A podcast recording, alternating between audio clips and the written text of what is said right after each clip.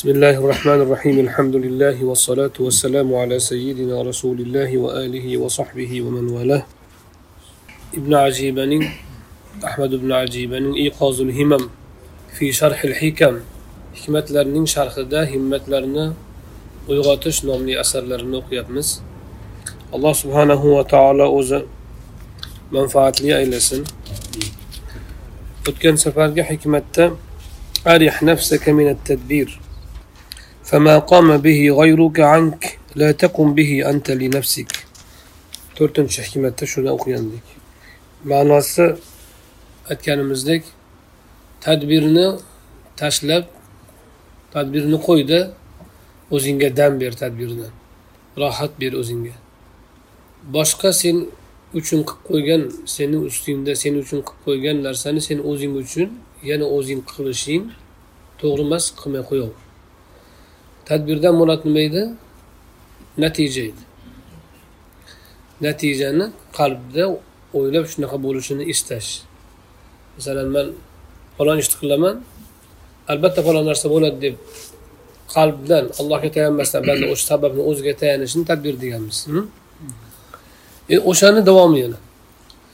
Tadbir modomiki lekin masalan e, taxmin qilsa reja qilsa bir e, kelajakka bir odam ma'lum narsalarni taxmin qilib reja qilsa va u narsalarni man sababini keltiramanu alloh subhanahu va taoloni o'zidan natijasi bo'ladi inshaalloh o'zida natija.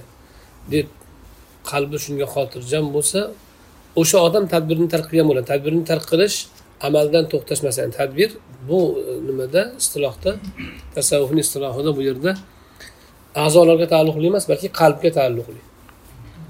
Qalbingda tadbir qilma. Ya'ni kelajakda biror bir sababni natijasini qalbing bilan aniq azm bilan bundoq bo'ladi degan qaror qilma.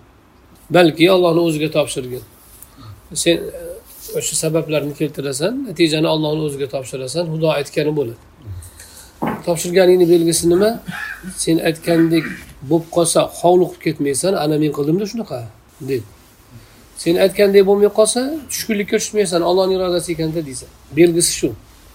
Kimiki agar qaysidir ishni masalan da'vat qildi yoki masalan deylik ta'lim berdi yoki bir kasbni qildi e, yoki bir e, chorani ko'rdi masalan dorini ichdi yo kasalni davoladi yoki bir doktorga bordi yo doktorga birovni olib bordi.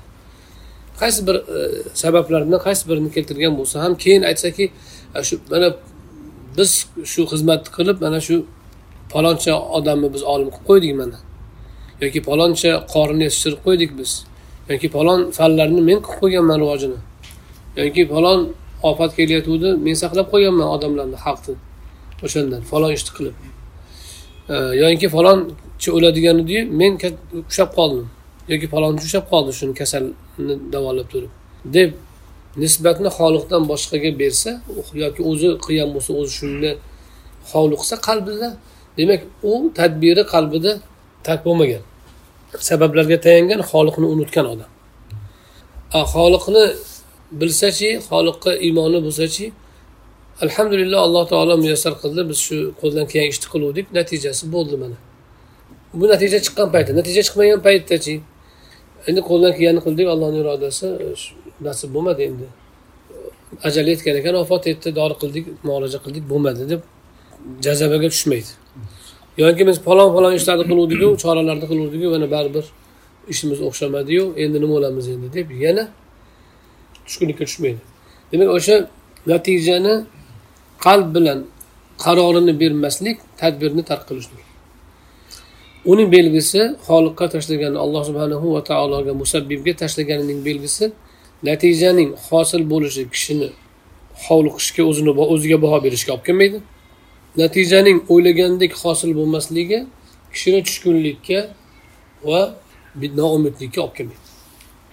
Bu asosan qalbdagi kechadigan holat. Endi shunaqa bo'lgandan keyin demak bu nimadan kelib chiqyapti desa asli sababni va asli qudratni ko'ra olishdan kelib chiqyapti. Asli qudrat allohniki la havla va la quvvata illa billah. Quvvat ya'ni bir narsani ijro qilishga kuch. Havl ya'ni bir narsani harakatlanishni harakatni sodir qilish adabaqa badaaqa o'zgartirish. Harakatni sodir qilish yoki bir narsani paydo qilishga quvvat. Faqat alloh subhanahu va taolo bilangina bo'ladi ollohsiz bo'lmaydi. Ollohni o'ziga bog'langan. La havla va la quvvata illa billah. Dunyoda allohni quvvatidan boshqa quvvati yo'q. Bizga quvvat bo'lib ko'rinayotgan shaxslardagi moddalardagi quvvatlar alloh subhanahu va taoloning o'z quvvatini ular orqali ijro qilishidan iborat. Masalan bolg'ani o'sha mixni qoqsangiz mixni kirgizayotgan narsa bolg'a bo'ladi. Lekin bolg'aga berayotgan kuch sizni kuchingiz bo'ladi. Bolg'ani qattiq urayotgan ham siz sekin urayotgan ham siz. Bolg'ani o'zini kuchi yo'q. Bola bola bolg'a qattiq narsa xolos. Unda zarb hosil qilayotgan uni mixni qoqadigan quvvat berayotgan unga. Insonni qo'li bo'ladi. Masalan mixni tepasiga bolg'ani qo'yib qo'ying besh yil qoqilmaydi mix lekin siz uni urasiz sizni zarbingiz bilan qoqiladi. Bolg'a o'rtada vosita bo'lib beradi siz o'zingizni kuchingizni bolg'a orqali o'tkazasiz miqqa. Sabablar musabbibga nisbatan shunday bo'ladi. Sabablarni alloh taolo yurgizadi o'zini quvvati bilan. O'sha bolg'a hech narsaga yaramaydi o'zi. Qo'l uni ushlab urmaguncha. Xuddi shunaqa sabablar o'zi asli hech narsaga yaramaydi. Modomiki alloh taolo unda ta'sirni paydo qilmaguncha. O'sha ta'sirni paydo qilish o'tni kuydiruvchi qilish pichoqni kesuvchi qilish ayni shu kesayotgan payt ayni kuydirayotgan paytida alloh taolodan unga shu kesish va yondirish quvvatini kelib turishi mana shu xalq bo'ladi. Allohni yaratish bo'ladi. Shu xoliqu kulli shay hamma yaratish va amr allohning o'ziga xos. Yoki har bir narsani alloh subhanahu va taolo o'zi yaratadi degan aqida agar o'rnashsa yuqoridagi aytganimizdek tadbir qalbdan chiqib ketadi. Bu asli aqidadan kelib chiqadigan narsa.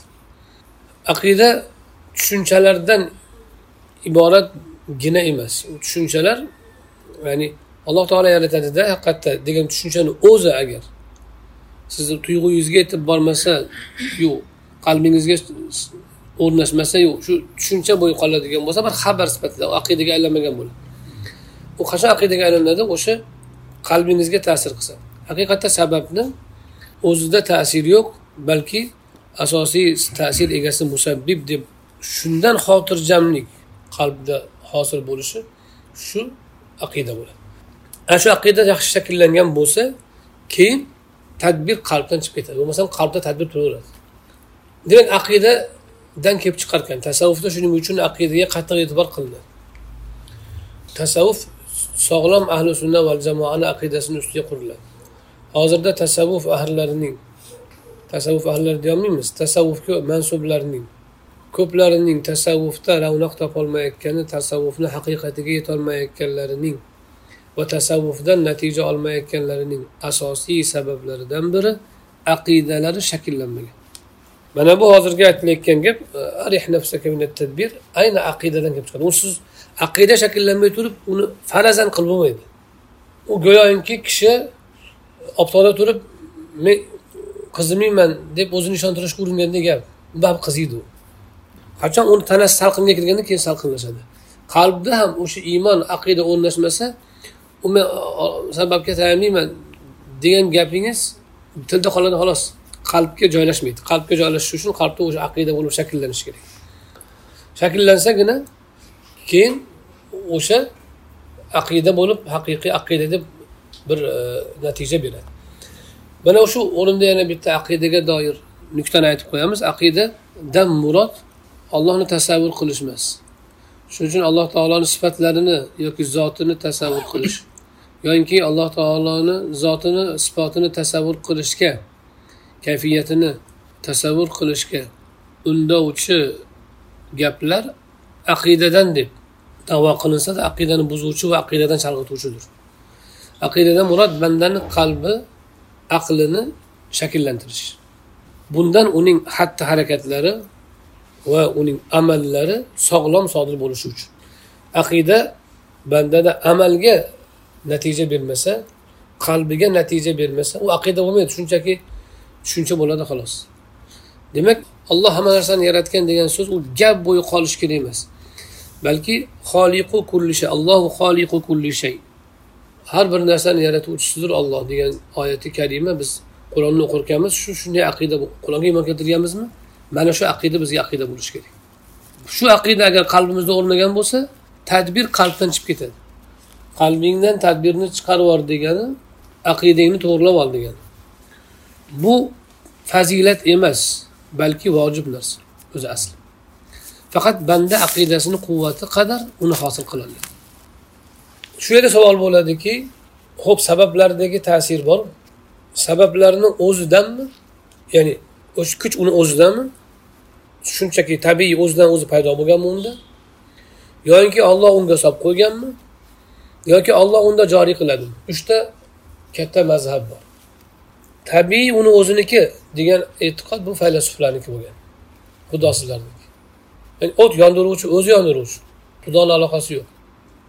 Endi o'tda yondirish quvvatini olloh solib qo'ygan yaratayotgan paytda solib qo'ygan.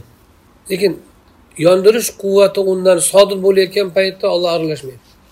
Lekin olloh yaratgan unda. Degan e'tiqod bu bu mo'tazilani e'tiqodi ya'ni sababnidagi sababdagi ta'sir o'zidanu lekin ollohdan asli. O'tni masalan ayni damda yondiryapti paxtani. Ayni damda o'sha yonish hodisasini olloh yaratyaptimi yoki o'tni o'zidagi yondirish quvvati olloh uni yaratgan paytda solib qo'ygan qudrati ishga tushyapti desa mo'tazila aytadiki yo'q olloh yaratgan yaratganda unga o'sha sifatni ham bergan yondirish sifati. O'sha sifati ishga tushyapti deydi. Ayni damda olloh aralashmayapti deydi. Oldin yaratib qo'ygan bo'lib aralashmayapti deydi. Ahli sunnani e'tiqodida yo'q. Ayni damda yaratyapti deyiladi. Ayni damda olovni olloh yaratyapti deydi. Yonish yonish hodisasini olloh yaratyapti. Ayni damda. Ular aytadiki mo'tazilalar aslida sabablarga alloh subhanahu va taolo o'sha pichoqqa kesishligini bolg'aga ursangiz taq etgan ovoz chiqishini va hokazo hamma narsasini hamma narsaga o'sha sabablarni o'zi joylab qo'ygan bo'ladi o'sha joylagan narsasi dunyoda sodir bo'laveradi o'z o'zidan alloh taolo aralashmaydi sodir bo'layotgan paytida. Yaratayotgan paytda unga o'sha qudratni qo'shib yaratib solib qo'ygan bo'ladi ichiga.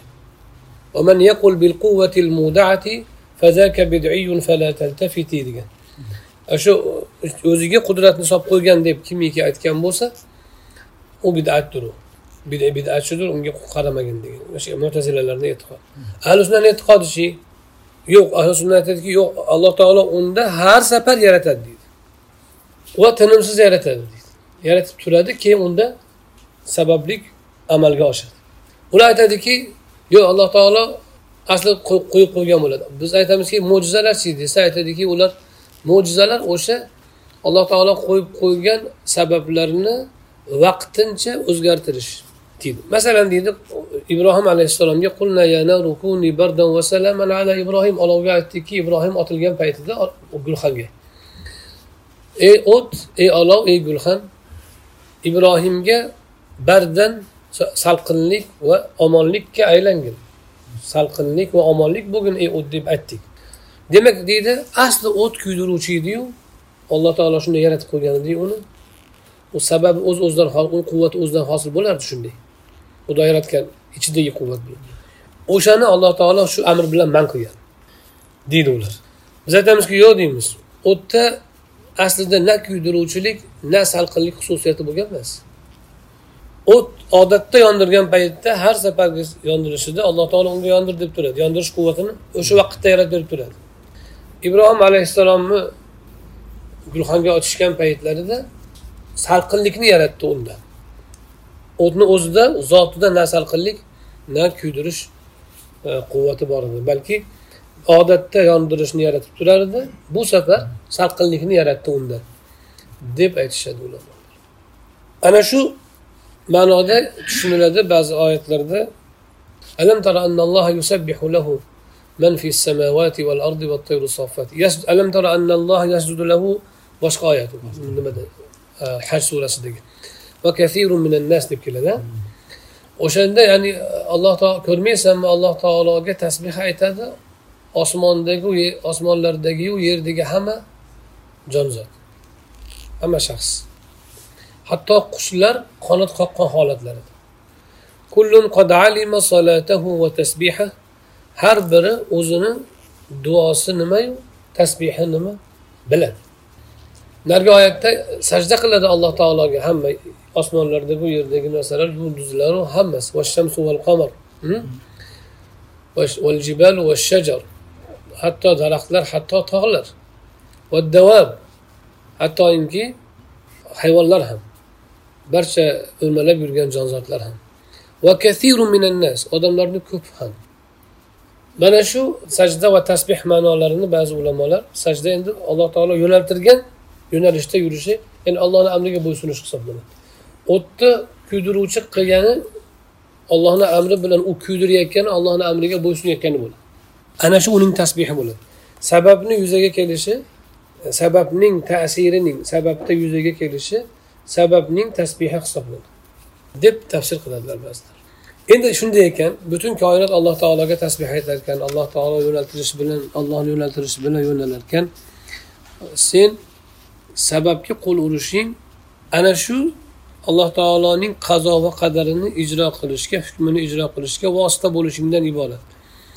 Vosita bo'ldingmi? Natijasi seni vosita qilganni qo'lida.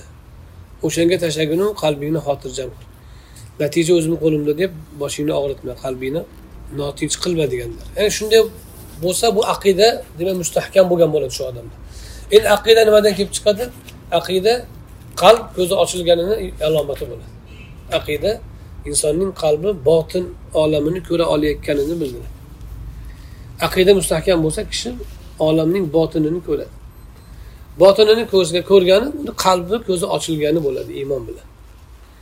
Endi shuni ko'rmasachi ko'rmasa butun nigohi butun nazari zohirdagi sabablarni o'ziga cheklanadiyu.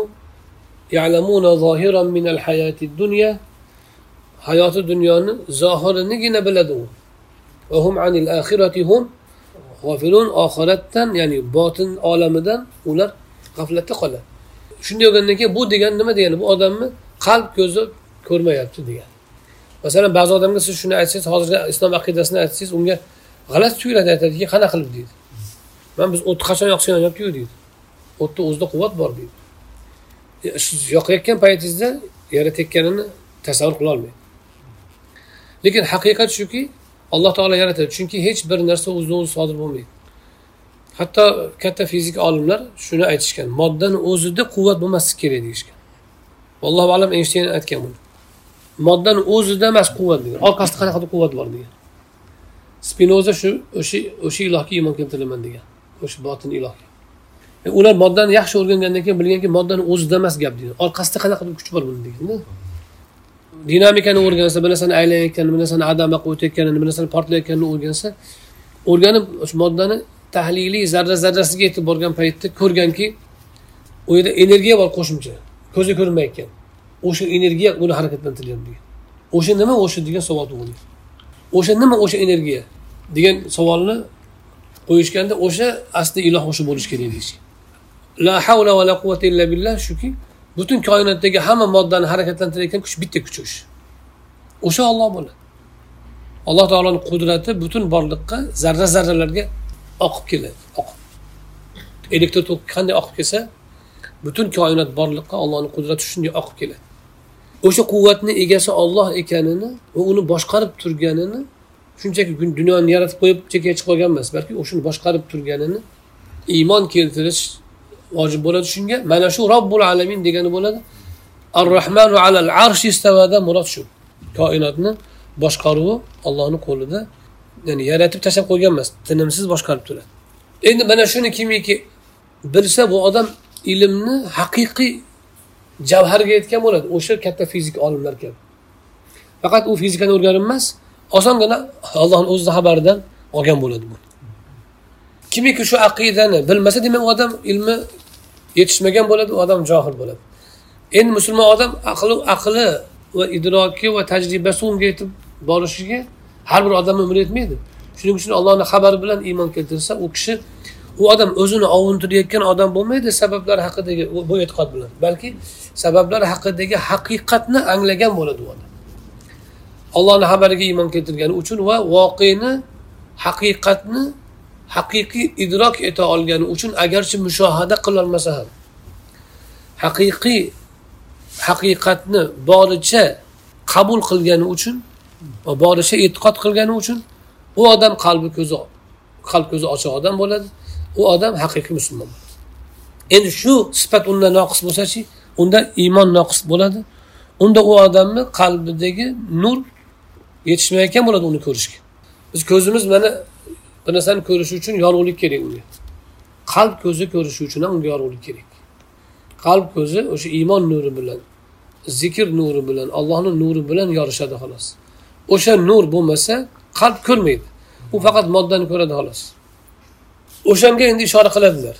Keyingi beshinchi hikmatda aytadilarki shorih aytyaptilarki كان الانهماك في التدبير والاختيار يدل على انطماس البصيرة وتركهما أو فعلهما بالله يدل على فتح البصيرة ذكر علامة أخرى أظهر وأشهر منهما على فتح البصيرة أو طمسهما أو طمسها فقال aytadilarki tadbir va ixtiyorda u kishi tadbir va ixtiyorni tark qilgin dedilar oldingida nima uchun desa natija seni qo'lingda emas ollohni qo'lida ollohni o'ziga tashla man qilaman yoki man aytgandek bo'ladi deb jazm qilib olmagin deydilar endi o'sha tadbirga qalbdan o'shanaqa narsani jazm qilib olish shunga berilish ixtiyor o'ziga bir narsani kelajakda tanlab natijani sabab natijasini o'zicha belgilab o'zicha tanlab o'shanga mahkam turib olish.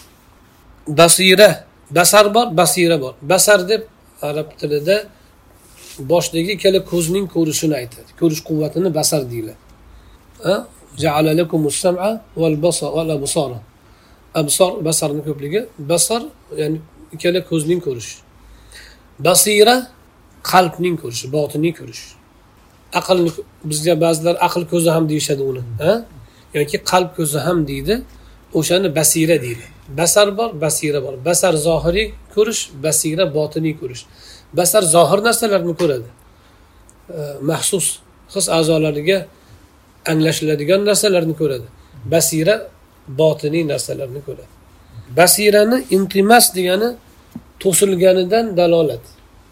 Natijaga tadbirga ixtiyorga mukkasidan ketish basiraning to'silganiga dalolat ekan. Yuqorida aytilgan gap. Yoyinki ya'ni tadbir va ixtiyorni bir yo'li tark qilish yoyinki fi'luhuma billah. Olloh bilan o'shani tadbir qilish. Ya'ni e, kelajakda shunday bo'ladini umuman o'ylamaslik mumkin. Man shu ishni qilaman natijani ollohni o'ziga tashladim o'ylamayman deysiz umuman. Bitta ish. Ikkinchisi o'ylaysiz taxmin qilasiz reja qilasiz va uni belgilaysiz. Ammo inshaalloh allohni qudrati bilan bo'ladi deb allohga tayangan holatda belgilaysiz o'zizga yoki sababga emas. Uni o'sha ikkinchisini fi'luhuma billah bo'ladi. U oriflarni ishi. Bir yo'li tark qilish ham mumkin tadbir haqida umuman o'ylamaslik mumkin kelajakdagi o'sha natija haqida yoki natijani reja qilasiz taxmin qilasiz alloh subhanahu va taoloni qudratiga tayangan holda. Birinchisi tarku tarku tark degani ikkinchisi al fi'lu billah olloh bilan qilish. Demak o'sha tark qilish yoki allohni o'ziga tayanib qilishlik bo'lsa basira ya'ni qalb ko'zining ochiq ekaniga dalolat qilarkan u kishi mana shu ikkita alomatdan ham ko'ra mashhurroq va zohirroq aniqroq boshqa bir alomatni zikr qiladi. Basirani ochiq yoki yopiq ekaniga dalolat qiluvchi yana bitta bu kishi nima e, misol keltiradi. Aytadilarki ijtihaduka fima dumina lak va taqsiruka fima tuliba mink. Dalilun ala intimasil basirati mink. Senga kafolati berilgan narsaga tirishishing sendan talab qilingan narsada kamchilikka yo'l qo'yishing senda basiraning yopilganining alomatidir dalilidir dalil degani isbot yani. Sendan bir narsa talab qilingan. Talab qilingan narsada kamchilikka yo'l qo'yyapsan tirishmayapsan. Ammo senga kafolati berilgan narsa bor unga tirishyapsan.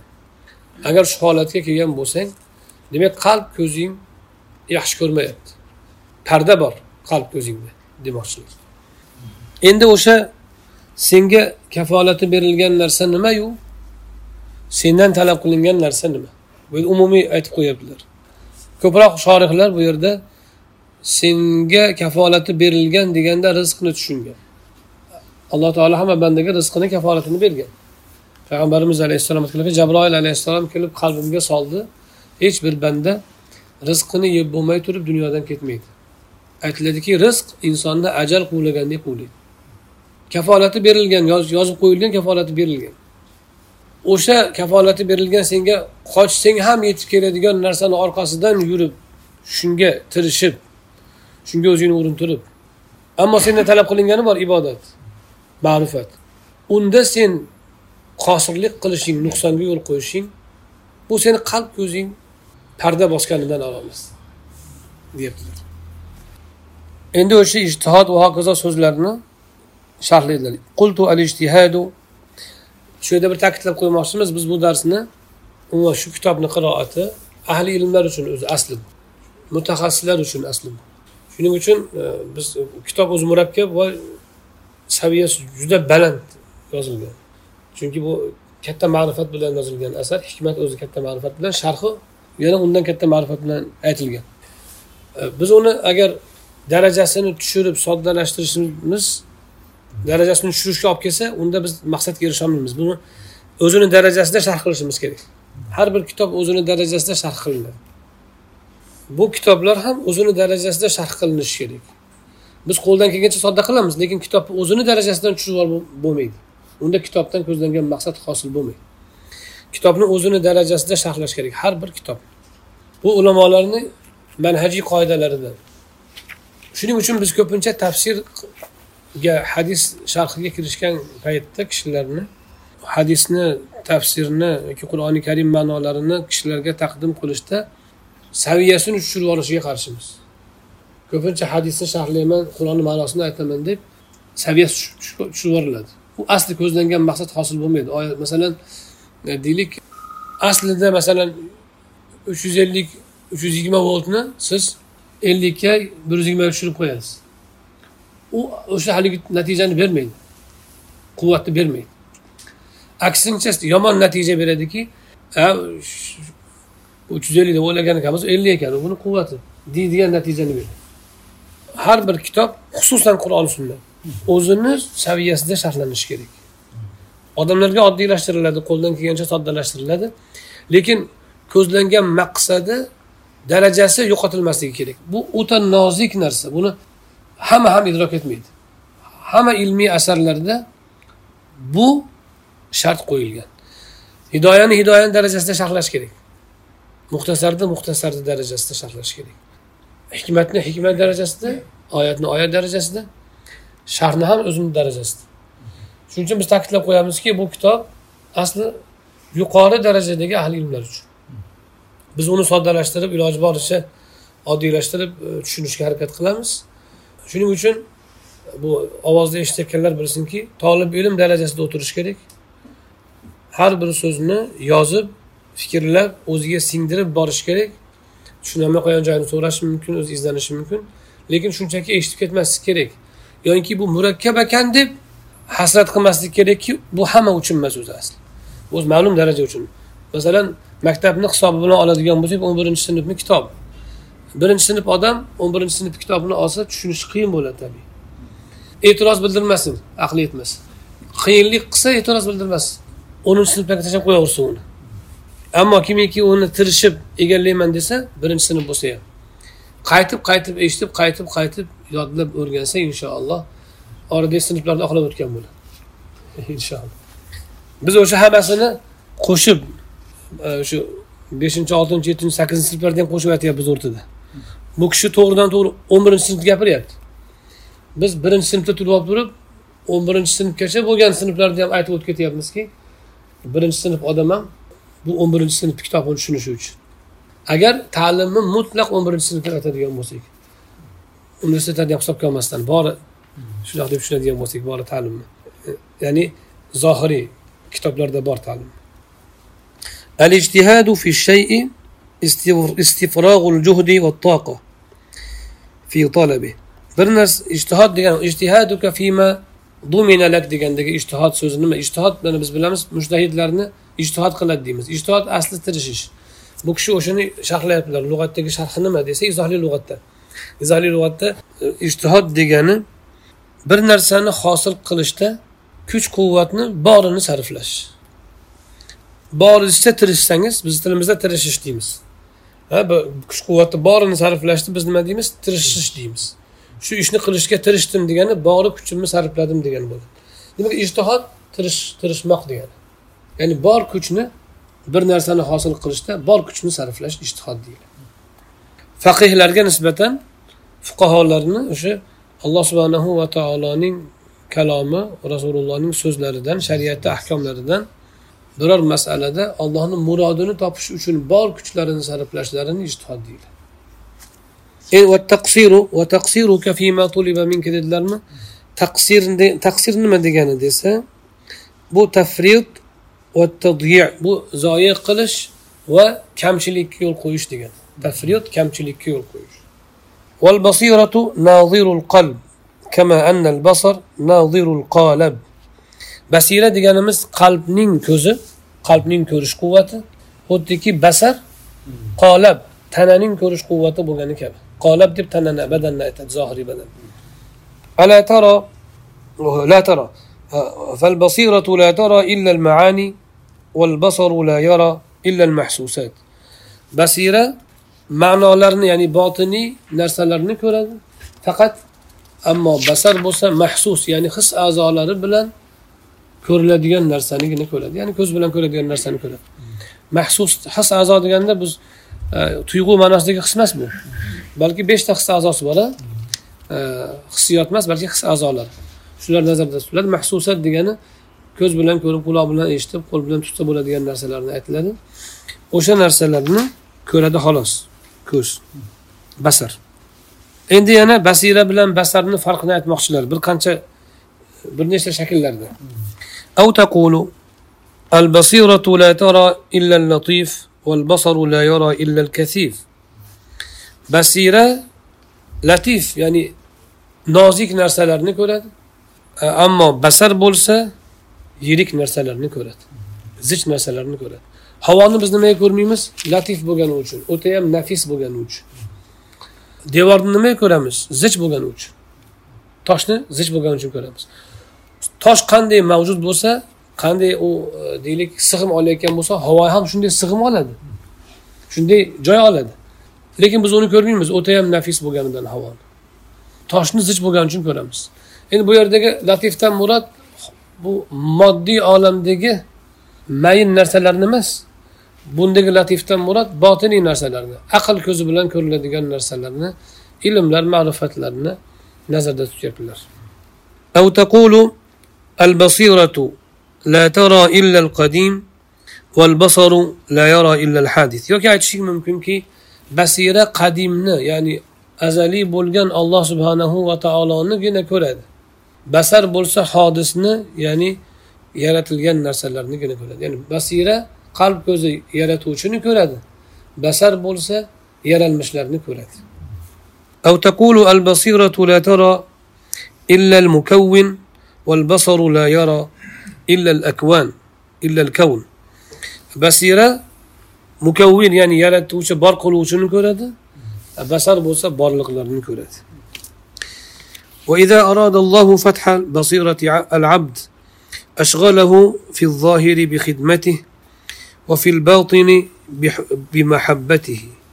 فكلما عظمت المحبة في الباطن والخدمة في الظاهر قوي نور البصيرة حتى يستولي على البصر فيغيب نور البصر في نور البصيرة الله سبحانه وتعالى agar bir bandaning qalb ko'zini basirasini ochishni iroda qilsa uni zohirda o'zining xizmati bilan mashg'ul qilib qo'yadi allohni xizmati bilan allohni xizmati yo'q alloh bu narsaga muhtoj emas lekin alloh taoloni istagida harakatlanish allohni xizmati bo'ladi Allohni xizmati deganda alloh taologa bir narsa qilib berish emas. Allohga hech narsa kerak emas. Lekin allohni xizmati deganda allohni istagidek harakatlanishda aytiladi. Zohirini ollohni xizmatiga mashg'ul qilib qo'yadi. Botinini ollohning muhabbatiga mashg'ul qilib qo'yadi. Qalbda o'sha muhabbat bo'lsa banda o'zi xizmatdan boshqa narsani qilgisi kelmay qoladi. Xuddiki o'zimizda munosabatlarda ham bo'lgan edik. Ustozingizga muhabbatingiz jo'sh ursa yonidan ketgisi kelmaydi. Nima desa aytganini qilgisi kelaveradi. Yoki otangizga yoki onangizga bo'lgan muhabbatingiz jo'sh ursa otangizni xizmatidan arimasam deysiz. U muhabbatdan kelib chiqadi. Kimiki alloh taolo qalb ko'zini ochib qo'ysa ana shunday bo'lib qoladi. Muhabbat qalbiga to'ladi va alloh subhanahu va taoloni xizmatidan boshqa narsaga mashg'ul bo'lgisi kelmaydi.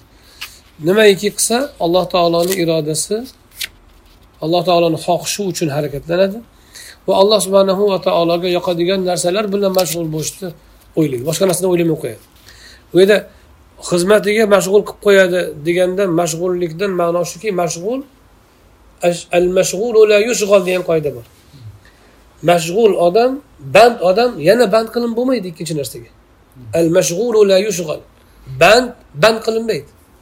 Siz masalan bir narsaga band bo'lsangiz ikkinchi narsaga shug'ullanolmaysiz.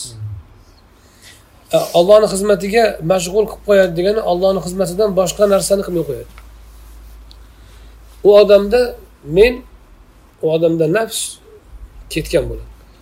Na boshqani ta'siri na ichki xohishlarini ta'siri qolmaydi. Faqat alloh subhanahu va taoloning xohishi uchungina harakatlanadigan odamga aylanadi. Allohni xizmatiga mashg'ul bo'lib qoladi degani shu. Qalb ham muhabbat bilan mashg'ul bo'ladi degani boshqa muhabbatlar unda egalik qilolmaydi qalbga. Boshqa muhabbatlar bo'ladi albatta lekin narigi muhabbatni kesolmaydi. Unga ta'sir o'tkazolmaydi. Kimiki qalbi ko'zi ochilsa u alloh subhanahu va taoloning muhabbati bilan qalbi mashg'ul a'zolari alloh subhanahu va taoloning amri bilan mashg'ul bo'lib qoladi. Qachonki qalbda muhabbat kuchaysa botinda.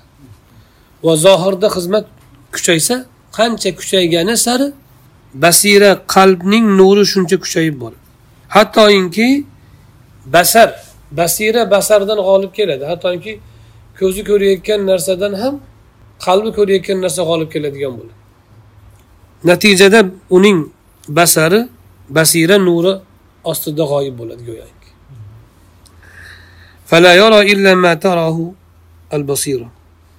فلا يرى إلا ما تراه البصيرة من المعاني اللطيفة u odamni ko'zi go'yoki zohir narsalarni ko'radiyu e'tiborga olmay qo'yadi qalb ko'zi ko'rgan narsalar bilan mashg'ul bo'lib qoladi latif nozik ma'nolarni ko'radi qalb o'shan bilan mashg'ul bo'lib qoladi hattoki ko'zi ham basari ham والأنوار القديمة يعني قديمين نورlar ya'ni alloh subhanahu va taoloning nurlari bilan degan وهذا معنى قول شيخ شيوخنا المجذوب شيخ شيوخنا ده مراد مغربlik abdurahmon ibn iyad. Abdurahmon ibn iyod abdurahmon al majzub deb mashhur bo'lgan. Hijriy o'ninchi asrda yashab o'tganlar. To'qqiz yuz yetmish oltimi yetmish to'qqizmi vafot etgan mag'ribda bo'lgan. Majzublardan bo'lgan e, juda ko'p e, so'zlari odamlarni orasida masalga aylanib ketgan.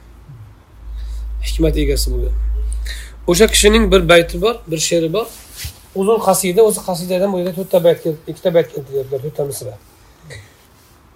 Mana shu baytda u kishi biz aytayotgandaqa basirani nurida basarni g'oyib bo'lishiga ishora qilganlar bu bayt aslida shevada aytilgan u kishi shevada aytganlar ko'p nimalarni so'zlarni g'oyib deb aytadi o'zi g'oyyabtu غيبت نظري نظري غيبت نظري في نظره وفنيت عن كل فاني.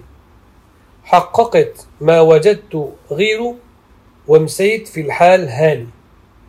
بلاش بس خص أصحابنا أدبية كذي الموسيقى وكذي الموسيقى. غيبت نظري في نظره. في نظره.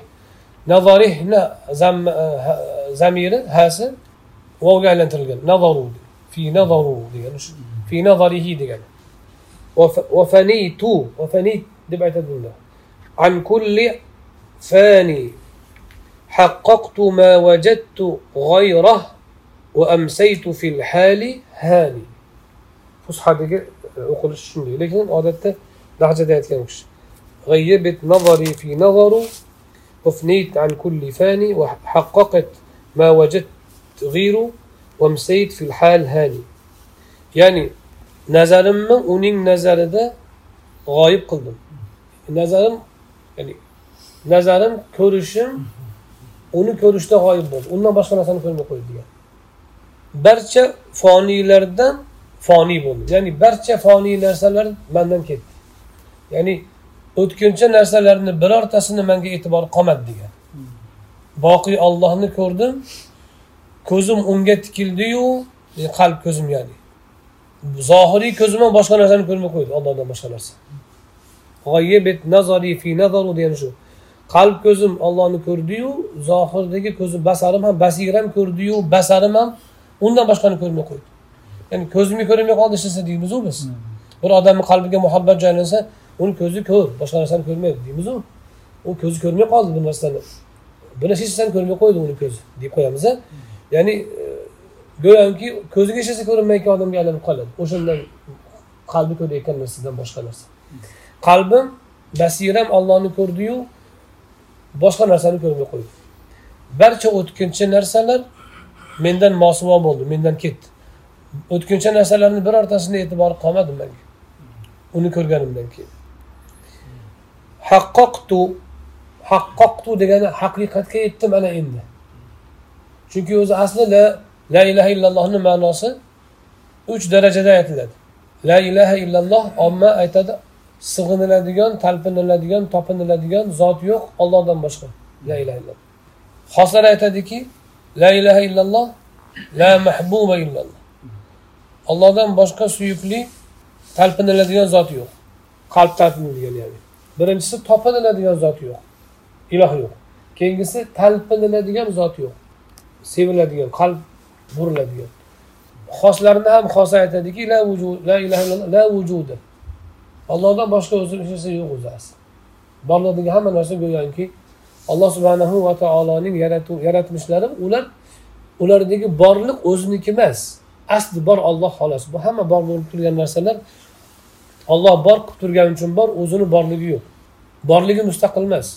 Shuning uchun go'yoki ular yo'qdek gap. Deb shunday qaraydi. Ana shu haqiqat o'zi asli.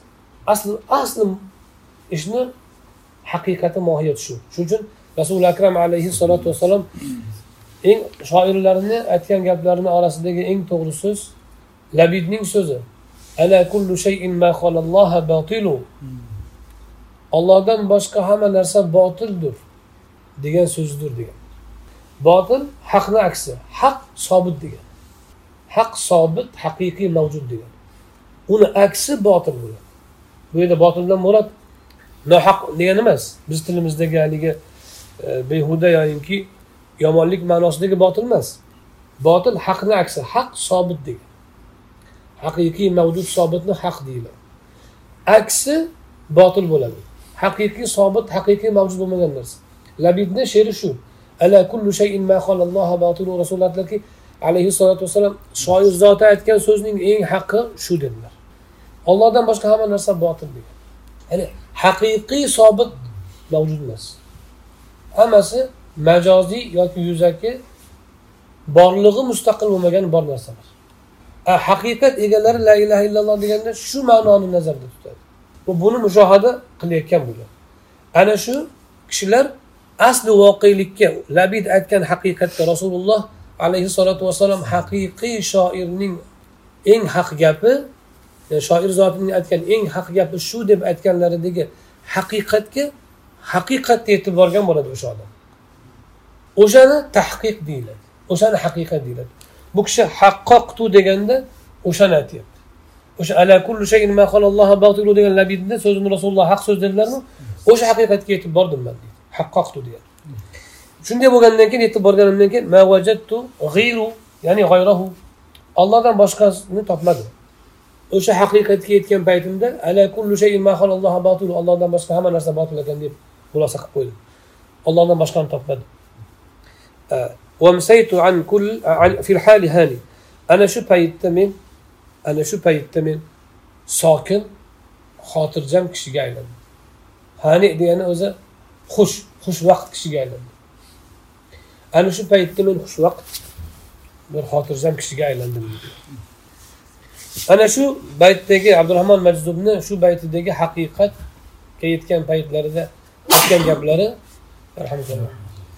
aytgan gaplariki nazarim uning nazarida unga nazar qilishda g'oyib bo'ldi degan gaplari biz yuqorida aytgan gapni tasdig'iki banda allohni xizmatida zohiri bardavom bo'lsa qalbi muhabbati bilan bardavom bo'lsa bu ziyoda bo'lgani sari basirasi nuri ziyoda bo'lib boraveradi qalb ko'zi ochilib natijada basari ham basirasiga tobe bo'lib ketadi وإذا أراد الله خذلان عبده أشغله في الظاهر بخدمة الأكوان وفي الباطن بمحبتها agar bandani alloh taolo o'ziga tashlab qo'ysa hidlan degani o'ziga tashlab qo'yish tavfiqni olib qo'yish tavfiq nima xalqul qudrati yoki xalqul qudrati fil abdi bandada allohga toat qilishga qudrat yaratib turish yaratib berish tavfiq deydi.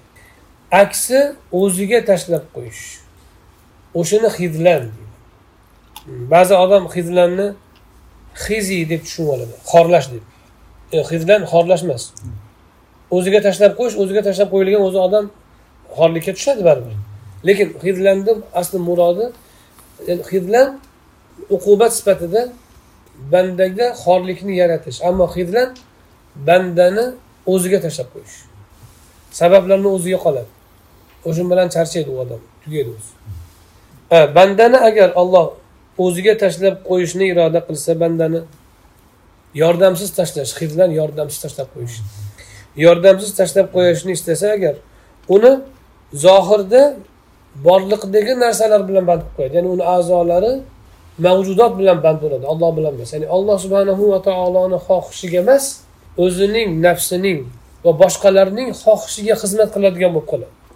Bir bandani alloh taolo yordamsiz tashlashni iroda qilsa maxluqlarning mavjudotning yaratguvchining emas yaratilmishlarning istaklarida harakatlanuvchi qilib qo'yadi.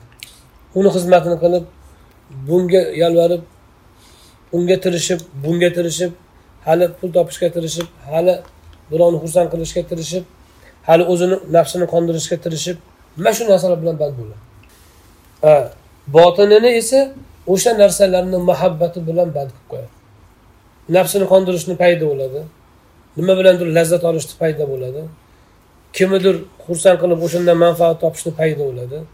Nimadandir qo'rqib nimadandir nimadandir umid qilib o'sha borliqdagi narsalarga shaxslarga va turli o'tkinchi narsalarga bog'lanib o'shin bilan band bo'ladi muhabbat shunga bo'ladi فلا يزال كذلك حتى ينطمس نور بصيرته banda agar o'sha holatda davom etaveradigan bo'lsa borib borib basira nuri qalb ko'zi unda yopiladi فيستولي نور بصره على نور بصيرته فلا يرى إلا الحس natijada u odamni qalbi bir narsani botiniy narsalarni ma'nolarini ko'rmay qo'ygandan keyin qalb u odamni basirasi yopilib faqat ko'zi ko'radigan bo'lib qoladi zohiriy faqat ko'zi bilan ko'radigan narsalargagina ishonadigan qo'li bilan ushlab ko'zi bilan ko'radigan. Hissiy ya'ni o'sha zohirda his a'zolari bilan tuyuladigan mavjudotlarga cheklangan o'shandan boshqa narsani ko'rmaydigan va faqat o'sha narsalarning xizmatiga band bo'lib qoladi فيجتهد في طلب ما هو مضمون من من الرزق المقسوم ويقصر فيما هو مطلوب منه من الفرض المحتوم natijada u odam u odamga kafolatlab berilgan qismat qilib yozib qo'yilgan belgilab berilgan rizqni topishni o'ziga band bo'lib qoladi misol tariqasida Va undan talab qilingan mahtum ya'ni qat'iy talab qilingan farzlarda nuqsonga yo'l qo'yishga o'tadi bozorga sahar chiqib bomdodga uxlab qoladigan odam to'y bo'lsa ertalab turib ozonga chiqmaydigan odam ollohni chaqiruvchisi muazzin chaqirganda uyg'onmasdan birorta o'zidan ko'ra sal teparoqdagi odam chaqirsa uyg'onadigan odam qalb ko'zi yopilgan odam o'sha odam. U odam o'sha dadasidan qo'rqadi masalan. Dadasi tur desa turadi. Dadasini ko'zi bilan ko'ryaptida u uni nazari ko'z bilan ko'radigan narsalarga cheklangan. Ammo robbi ham unga tur deyapti saharda. Bomdodga chaqirgan paytida. Lekin uni qalb ko'rar edi uni u ko'zi uni yopilgan o'shaning uchun u robbini nidosini eshitmaydi robni ko'rmaydi. O'shaning uchun dadasi uyg'otsa uyg'onadi lekin robbi chaqirsa ozonga deganda turmaydi. Yoyinki birovni haqqini yeb yuraveradi. Qachonki ishi sudga oshsa yoyinki bir ko'cha bolalaridan bittasi bilagida quvvati borlardan bittasi yoyinki bir razborchi kelib chaqirib haliginga talab qilsa haqqini berishini beradi. U o'sha bitta telefoni bilan u yoqdan bu yoqqa yuborishi mumkin bo'lgan odamdan qo'rqyapti. Chunki uni ko'ryapti. Uni ko'zi o'shanga cheklangan. Ammo borliqni boshqarib turgan va uni yaratgan va ertaga uni huzuriga borish aniq bo'lgan. Olloh aytib turibdi unga haqqini ber palonchini deb uni ko'rmaydi uni qalbi. Uni qalbi ko'r. Qalb ko'zi yopilganini belgisi shu. Kimiki ollohning haqqini haqida alloh taoloning talablarida alloh taoloning buyruqlarida kamchilikka yo'l qo'yib boshqalarning istak va buyruqlariga chopayotgan bo'lsa bilingki uning qalbi ko'zi parda bosgan. agar qalb ko'zi ochilganda edi birinchi o'rinda ollohni buyruqlarini qilardi ollohni qaytariqlaridan qaytardi boshqalarnikini unga tobe bo'lsagina qilardi bo'lmasa unga harakatlanmasdi endi bu kishi hikmatni bir lafziy chiroyli tahlil qilyaptilar ولو كان بدل الاجتهاد استغراقا وبدل التقصير تركا لكان بدل الطمس عاما وهو الكفر والعياذ بالله aytadilarki agar bu kishi hikmatni egalari ibn atoulloh sakandariy ijtihaduka fima dumina lak deganda ijtihaduka tirishishing degan deb aytdilar shuni o'rniga istig'roq so'zini ishlatganlaridachi istig'roquka fima dumina lak deganlaridachi ya'ni senga kafolatlab berilgan narsada tirishishing deyishni o'rniga senga kafolati berilgan narsaga g'arq bo'lib mashg'ul bo'lishing degandachi taqsir so'zini o'rniga tark so'zini qo'yib. Minka ya'ni sendan talab qilingan narsada nuqsonga yo'l qo'yishing kamchilikka yo'l qo'yishing deyishni o'rnidagi kamchilikda o'rniga tark qilishing degandachi sendan talab qilingan narsani tark qilishing deganda nima bo'lardi desa unda javobida dalilun ala basirat emas. Intimas so'zini o'rniga tomus so'zini o'rniga amani ishlatardi. Dalilun ala ama basorik ya'ni basiratik qalb ko'zing parda bosgan emas qalb ko'zing ko'r bo'lgan deyish kerak ular. Demak kishi agar alloh subhanahu va taolo undan talab qilgan narsalarda kamchilikka yo'l qo'yib olloh unda unga kafolatlab bergan narsada tirishib yotgan bo'lsa bu qalb ko'zini parda bosganni alomati ammo olloh talab qilgan narsani mutlaqo tark qilib kafolat berilgan narsaga mutlaqo sho'ng'ib undan boshqa narsa bilan mashg'ul bo'lmaydigan bo'lsa ollohni tark qilgan bo'lsa mutlaqo unda unda u qalb ko'zi parda bosgan emas qalb ko'zi ko'r o'ladi u kufr deyiladi. Alloh saqlasin. Shuningdek ijtihaduka deganlarida tirishishing deganlarida yana bitta nuqta borki ya'ni tirishishni qoralayaptilar ammo sababga urinish oddiy talab qilishni qoralamayapti senga kafolati berilgan narsani talab qilishing u narsani bajarishing mumkin ammo u narsaga tirishib zimmaga olishing noto'g'ri demoqchilar لأن الدنيا كنهر طالوت لا ينجو منها إلا من لم يشرب أو اغترف غرفة بيده لا من شرب على قدر عطشه فافهم قاله الشيخ زروق shayx zarruq aytgan ekanlar shu o'rinda chunki dunyo tolutning daryosiga o'xshaydi. فلما فصل طالوت بالجنود قال إن الله مبتليكم بنهر فمن شرب منه فليس مني ومن لم يطعمه فإنه مني إلا من اغترف غرفة بيده فشربوا منه ushbu oyat uzun hikoya. Asli banu isroil podshosi bo'lmagan. O'sha davrda. Yusha ibn nun muso alayhissalomdan keyingi payg'ambarni davrlari parlament bilan boshqarilgan majlis bilan boshqarilgan. Odatda podsholar qo'mondon bo'lgan. Podsholar qo'mondon bo'lgan askarni boshqargan va hokazo qilgan. Ular keyin aytish o'sha e, ularni dushmanlari hujum qilib o'zlarini shaharlaridan quvib chiqargan paytida ular banu isroil kelib aytishganki payg'ambarlarga bizga bitta podsho saylab bering o'sha bilan urush qilaylik. Yana biz jang qilamiz. Alloh uchun.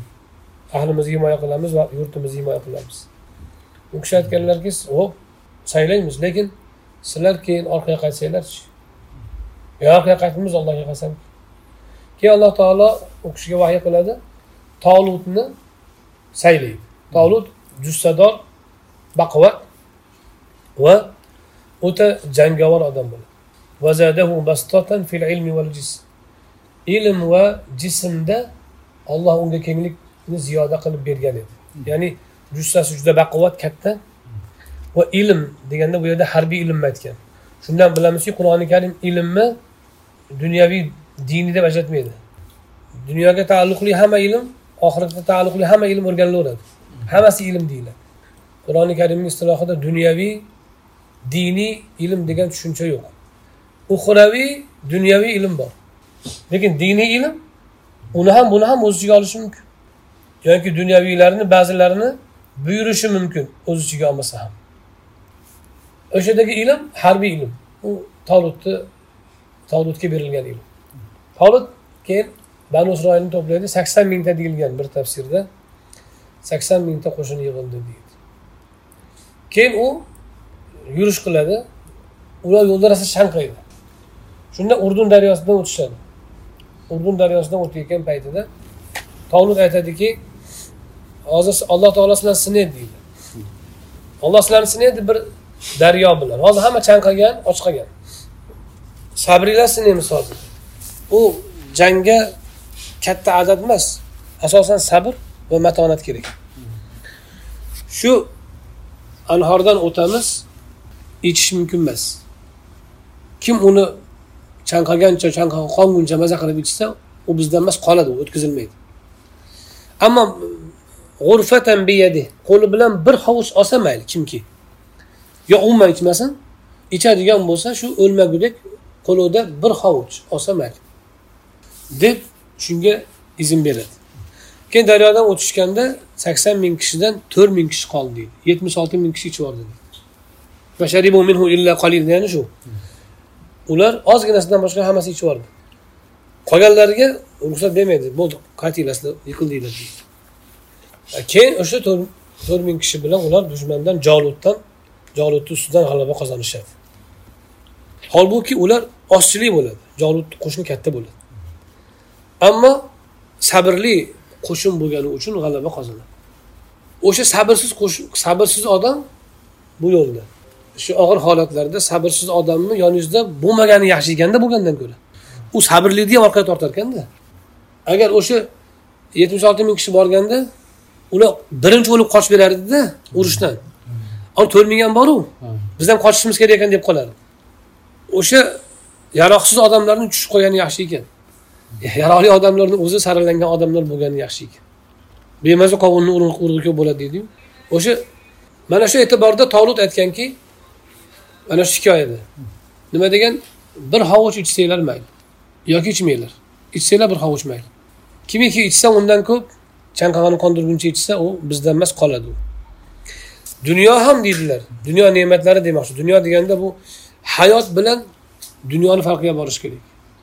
Hayot yomonlanmaydi. Targ'ib qilinadi va hayotga qasd qilish gunoh kabira o'zizni o'zini o'ldiraman deysiz ham hayot bilan dunyoni farqi bor. Biz hayotni yaxshi ko'rishga buyurilganmiz. Hayotni saqlashga buyurilganmiz. Dunyodan sovutish ma'nosida gapirilganda dunyo ne'matlarini yaxshi ko'rish aytiladi. Yeyishni ichishni uy qurishni mana shu narsalar nimagadir ega bo'lishni. Shu narsalarni muhabbatdan qaytariladi. Yashashdan emas. Yashash sevilishi kerak yashashni yaxshi ko'rish kerak. Shuning uchun hayot bilan dunyoni bu istilohlarda ajratib olish kerak. Ya'ni hayotni yaxshi ko'rishga buyurilganmiz va hayotni saqlashga buyurilganmiz. Birovnikini ham o'zimiznikini ham. Ammo bu dunyoni yomon ko'r dunyoga ko'ngil berma deganda biz ne'matlarga ko'ngil bog'lashni aytamiz. O'sha narsalarga bog'lanmasin deymiz. Nimaga desa o'sha narsalarga bog'lanishdan musibat kelib chiqadi. Aka ukani urush shundan uy talashish shundan qayna bilan kelinni urishi ham shundan bitta mamlakat ikkinchi mamlakatga yurish qilishi ham shundan. Minglab qatag'onlar minglab zulmlar hammasi shundan ne'matni yaxshi ko'rishdan qaysidir kursini yaxshi ko'radi yoki qaysidir yemog'ini yaxshi ko'radi qaysidir yerini yaxshi ko'radi qaysidir tillarni yaxshi ko'radi. Shundan. Mana shu insoniyatga shu musibat shu muhabbatdan kelgani uchun bundan qaytariladi. Hamma ofat hamma xatoni boshi shu dunyoni ne'matiga muhabbat qo'yishdan kelib chiqadi. Ha dunyo deyotganda shuni aytyaptilar. Dunyo tolutni anhoriga tolutni daryosiga o'xshaydi. Undan o'sha o'lmagudek bir hovuch olganda o'tib ketib yubor shunda salomat qolasan. Agar yotib olib ichadigan bo'lsang halok bo'lasan. Qolasan o'sha anhorni oldida manzilga yetolmaysan shunday deyaptilar. Ya'ni dunyo tolutni daryosiga o'xshaydi. Undan umuman ichmagan odam yoki qo'li bilan bir hovuch olib shu bilan kifoyalangan odamgina najot topadi. Ammo chanqaganini borini qondirib ichaman degan odam najot topmaydi. Ya'ni dunyoni ne'matini hammasidan lazzatidan hammasidan to'la foydalanaman deb uringan odam oxiratga salomat yetib borolmaydi yana abul hasan roziyallohu anhu ya'ni shozili aytgan ekanlarki al basiratu kal basar adna shay'in yaqa'u fihi yamna'u an-nazar wa in lam yantahi ila al-amal. Basira ham qalb ko'zi ham boshning ko'ziga o'xshaydi. Ozgina bir narsa tushsa unga xalaqit qiladi. Agarchi ko'r qilib qo'ymasa ham xira qiladi. Ko'zingizga agar bir g'ubor zarra g'ubor tushsa ko'rishni o'zgartiradi xira qiladi. Agarchi ko'r qilmasa ham o'ta ingichka bir o'ta ham nozik bir hashakni ko'zingizga qo'ying yaxshi ko'rolmay qolasiz. Qalb ko'zi ham shunaqa daqiq bo'ladi. O'ta bir ozgina kasallik yetishi bilan qalbga ozgina halal yetishi bilan qalbga ko'rish pasayishni boshlaydi فالخطرة من الشيء تشوش النظر وتكدر الفكرة والإرادة له تذهب بالخير رأسا والعمل به يذهب عن صاحبه سهما من الإسلام فيما هو فيه ويأتي بضده. فإذا استمر على الشر تفلت منه الإسلام. Shuning uchun o'sha ko'zingizga zarra bir narsa zirabcha yoyinki bir zarra bir g'ubor chang tegsa ko'rishni xira qilgan kabi. Qalbni ham botiniy ana shunday zararlar darrov ko'rishini yo'qotadi. Fal xotiratu degan hayolga bir kelgan narsa. Agar kelgan narsa bir yomonlik fikri bir kelib ketsa bir gunoh fikr kelib ketsa hali qilganingiz yo'q. Qilishni iroda ham qilganingiz yo'q. Qalbingizga bir kelib ketdi. Yomon o'y. Bir gunohni qilish fikri bir kelib ketdi. Shuni o'zi nazarni qalb ko'zini ko'rishini xiralashtirishni boshlaydi. Bir kelib ketdi shuni o'zi. Lip etib yonib o'tib ketdi. Shuni o'zi qalb ko'zini xiralashtiradi shuni o'zi. Va fikrni kirlashtiradi. Endi o'sha narsani o'sha yomon ishni bir o'tib ketsa xotir deymiz. O'zi hajis deyiladi bir o'tib ketsa hajis deyiladi. Ikkinchi marta kelsa uchinchi marta xotir deyiladi. O'rnab kishi ichida shu narsani o'ylasa hadisun nafs deyiladi. Ya'ni nafsning so'zi ya'ni ichki istak degan ma'noda. Endi qilishga kishi azm qilsa uni iroda deymiz. Azm deyiladi. Bu bu kishi aytyaptilarki birinchi lip etib kelib ketgani boru shuni o'zi xira qiladi. Endi takrorlansachi borib borib hadisun nafsga aylanib borib borib o'sha narsani qilish istagi tug'ilsachi o'sha gunohni qilish. U iroda paydo bo'lsa agar yaxshilikni qalbdan ketkazib bo'ladi u. Yomonlikni iroda qilishni o'zi qalbdan yomon yaxshilikni ketkazib qo'yadi. Hal qilmay turib endi uni qilsachi bajarsa? Bajarsa kishini islomidan bir parcha ketgan bo'ladi. Yomonlikni o'yi bir kelib ketsa qalbga xiralik. Takrorlanib o'sha yomonlikni qilish istagi qalbdan qo'zg'alsa qalbdan yaxshilik ketgan bo'ladi o'sha paytda endi o'sha qo'zg'alish iroda kuchga kirib amalga oshsa o'sha yomon ish u odam islomidan dinidan bir parchani yo'qotgan bo'ladi. Endi kishini vujudida turgan islomdan bir parcha ketsa o'rniga uni aks keladi. Kufrdan nasiba keladi. Endi agar o'sha holatda yomonlikda davom etaversachi tafallata undan islom tamom ketib bitadi. فإذا انتهى إلى الوقيعة في آه، في الأمة وموالاة الظلمة حبا في الجاه والمنزلة وحبا للدنيا على الآخرة فقد تفلت منها الاس منه الإسلام كله. إن أجل كشأوش يا مالك دوام يتبر أمتك برزيان كل تلاتين حالة يتك مسجي yoyinki mansabni ظالم yaxshi ko'rganidan zolimlarga yonbosishga o'tgan bo'lsachi oxiratdan dunyoni ustun qo'yganidan ana shunday bir yonbosh yomonlikka o'tgan bo'lsachi? Unda u odamda islom tamomiy ketib bitgan bo'ladi. Musulmonchilik qolmagan unda. Unda din qolmaydi deydilar shozili. Zohirida musulmon bo'lib ko'rinayotgani musulmoncha suratda turgani seni aldab qo'ymasin. U odam islom ketgan bo'ladi. nimaga desang u zohirida islom bor ruhi yo'q islom ruhi yo'q unda islom ruhi bo'lganda unaqa yovuz insonga aylangan bo'lmasdi u إذ الإسلام حب الله وحب الصالحين من عباده chunki haqiqiy islom allohni yaxshi ko'rishdir allohning bandalari orasida yaxshilarni solihlarni yaxshi ko'rishdir yomonlarni yaxshi ko'rish emas kimiki yomonlarni yaxshi ko'rishga o'tdimi unda islom qolmagan bo'ladi deb aytadilar Mana bu endi e, hikmatda yana bir e, sharhda aytiladiki endi o'sha kishi ijtihod qilmasin deyapti ya'ni sizga kafolati berilgan narsada ijtihod qilishing sendan talab qilingan narsada kamchilikka yo'l qo'yib turishing bu qalb ko'zingni parda bosganidan dalolat aytuvdilar o'shandagi tirishish alomatlari nimada ko'rinadi? Har kim aytishi mumkinki ya men unaqa tirishmayapman man e, hamma joyida kamchilikka yo'l qo'ymayapman ibodatlarda. Deb har kim o'zi davo qilishi mumkin. Man o'zimga kafolati berilgan rizqda yoki o'sha sabablarni natijasida man ishtihod qilayotganim yo'q o'zimni urintirayotganim yo'q deb har kim davo qilishi mumkin. O'sha davoni rost yolg'onligini qaydan bilsak bo'ladi? Yoki biz o'zimizni har birimiz o'zimizga qarab bizda shu sifat qalb ko'zi ko'rligi yoki parda bosganligi sifati bormi yo'qmi? Qaydan bilsak bo'ladi? Bunga alomat aytadilar. Aytadilarki o'sha kafolatlangan kafolatlangan narsada tirishish hozir hikmatda qaytarilayotgan sifat. Buning alomati shu uchta narsa bo'ladi. Qo'ldan ketgan narsaga taassuf qilish afsuslanish. Sababni keltirdingiz? Natija siz aytgandek bo'lmadi. Shunga nadomat qilish demak siz hali qalbingizda hali ijtihod bor o'sha narsaga tirishish bor hali.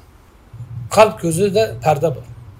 Birinchisi demak qo'ldan ketgan narsaga dunyodan dunyo ne'matlaridan biror narsa qo'lidan ketsa shunga agar kishi afsusga tushsa demak uni qalbi parda bosgan qalb ko'zi. Ikkinchi alomati o'sha narsani hosil qilishda dunyo e, rizqini yoyinki sababni natijasini hosil qilishda taqvoning ketishi kishi agar sababda endi biz ham tirikchilik qilishimiz kerak deb turib ruxsat berilmagan narsalarga qo'l ursa yoyinki tirikchilikda taqvodan chekinsa agar demak u odamni qalb ko'zida parda bor qalb ko'zi ochiq emas. Ya'ni aqidasi butun emas. Uchinchisi sabablarni qo'llashda buyurilgan huquqlarni rioya qilmaslik. Ya'ni sabablarga qanday munosabatda bo'lish buyurilgan. O'shani odobini kelishtirmaslik ya'ni g'aflatda qolish. Sabablarni ishlatishdagi sabablardagi huquqlarni bilmaslik. O'sha narsadan g'ofil qolish. Kimdaki agar mana shu bo'lsa demak uni ham qalb ko'zi ochiq emas qalb ko'zida parda bor. Aksi aksincha bo'ladi albatta. Buni aksi. Qanaqa bo'ladi unda? Hosil bo'lgan narsadan rozi bo'lish afsuslanish emas natijada. Va natijani talab qilishda sababni qo'llashda taqvoni ushlashlik va sabablarni odobini saqlashlik. Odobini saqlash sababni odobi degani ya'ni halol qilingan shaklda ishlatasiz va unga tayanmaysiz sababni odobi shu. Sababni qo'llashni odobi shu. Isrof qilmaysiz masalan. Va o'sha narsani sababni o'ziga tayanmaysiz qudratni ollohdan bilasiz. Dori ichyapsiz sababni qo'llayapsiz. Odobi shuki shu dori sabab shifoni olloh beradi deyish. Sababni o'ziga tayanmaslik. Va uni isrof qilmaslik va uni halolini ishlatish. Mana shu narsani kimiki rioya qilsa demak u kishi qalb ko'zi ochiq bo'ladi. Endi mana shu hikmatni biz hozir mana shaxs darajasida ko'ryapmiz. Har bir shaxs o'zini darajasida ko'radi. Endi shuni jamiyat darajasida ham ko'rsa ular ya'ni butun jamiyat shu sifat bilan sifatlangan bo'lsachi ashobi kiromni jamiyatiga o'xshab. Bu qo'l boqib yurgan sahroviy odamlar yegani xurmosi yo'q ochligidan oylab ovqatga qozon osolmay yurgan bitta latani belni ostiga bitta latani belni tepasiga o'rab shu bilan yashab yurgan odamlar qurol yaroqlari hamin qadar bo'lgan odamlar oz yillarda dunyoni yetakchi qavmiga aylanib qolishdiyu. Nima bilan? Ayni mana shu sifat bilan. Faqat shu aytilayotgan aqida va amalni ular shaxslar darajasida hamda jamiyat darajasida o'zlarini jamiyatlari darajasida tadbiq qilganlar. Natijada o'sha jamiyat o'shanday yutuqlarga erishgan. Dunyo ham kelgan oxirat ham hosil qilingan. Endi bu yerda o'sha bu e, senga kafolati berilgan degan narsada ko'p shorihlar xususan bu muallif ham ibn ajiba ham rizq deb e, shuni izohlayaptilar. Sendan talab qilingan degan narsada u farz vojib mustahab amallar deb aytyaptilar.